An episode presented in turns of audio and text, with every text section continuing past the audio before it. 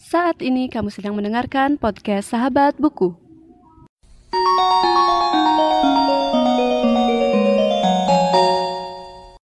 Sebelum mendengarkan episode kali ini, jangan lupa follow podcast Sahabat Buku di Instagram di @podcastsahabatbuku. Selamat mendengarkan.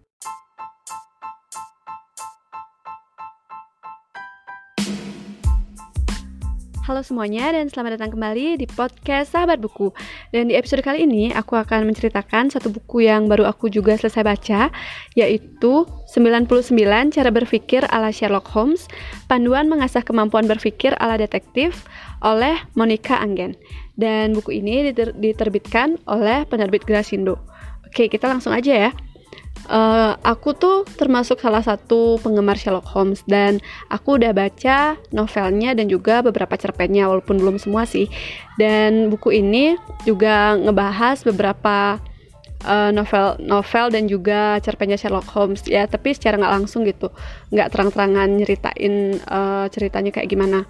Dan hal yang paling menarik dari buku ini menurut aku adalah buku ini ngajarin kita gimana caranya berpikir kritis dan ya tentu ya namanya detektif harus uh, kritis dan juga mendetail karena kalau nggak mendetail gimana bisa mecahin kasus kan gitu terus uh, ada pengantarnya juga dunia Sherlock Pekerjaanku memang mencari tahu tentang banyak hal. Aku mungkin telah terbiasa melihat hal-hal yang terlewatkan orang lain.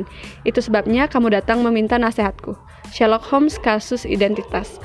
Oke, jadi dari pengantarnya aja kita udah kayak mungkin udah diper, diperkenalkan ke dunia yang membawa kita ke hal-hal yang spesifik dan juga mendetail. Dan di sini juga ada hal-hal yang bisa dibilang kayak uh, gimana sih sebenarnya berpikir kritis itu dan fungsinya apa kayak gitu. Tapi nanti kan diceritain dalam satu kayak perbagian gitu dari 1 sampai 99 karena kan seperti judulnya ada 99 cara. Dah di, dan di sana juga diceritain kalau uh, Sherlock Holmes itu bener-bener gimana ya bener-bener terlatih gitu untuk memecahkan kasus dan dia tuh benar-benar detail dan memperhatikan hal-hal yang orang biasa mungkin nggak perhatiin gitu. Nah contohnya aja aku bakal sedikit spoiler di bagian pertama dan juga bagian keduanya. Bagian pertama, apa pentingnya berpikir ala Sherlock? Think good and good follow good follows. Think evil, and evil follows.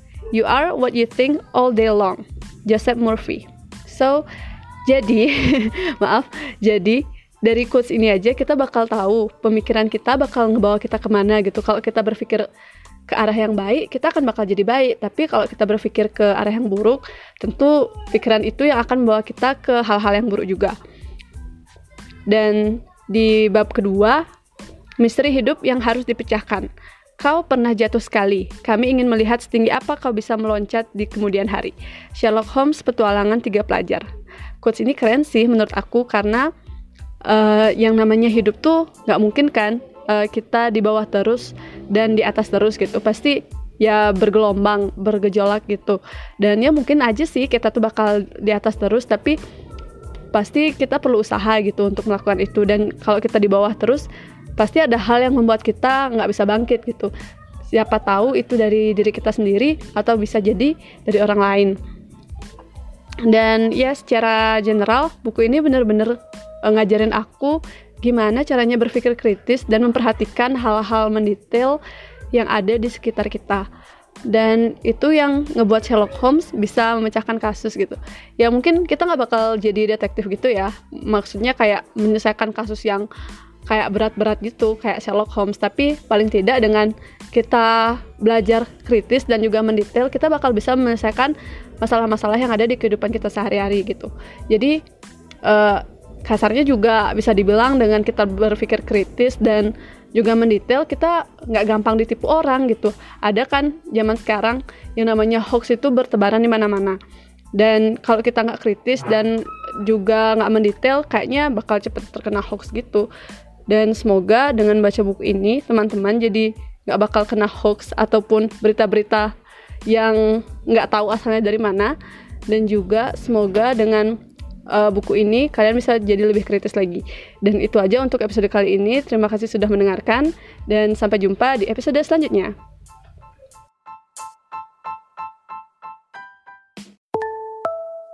Terima kasih sudah mendengarkan podcast Sahabat Buku. Bagi pengguna Spotify, jangan lupa follow.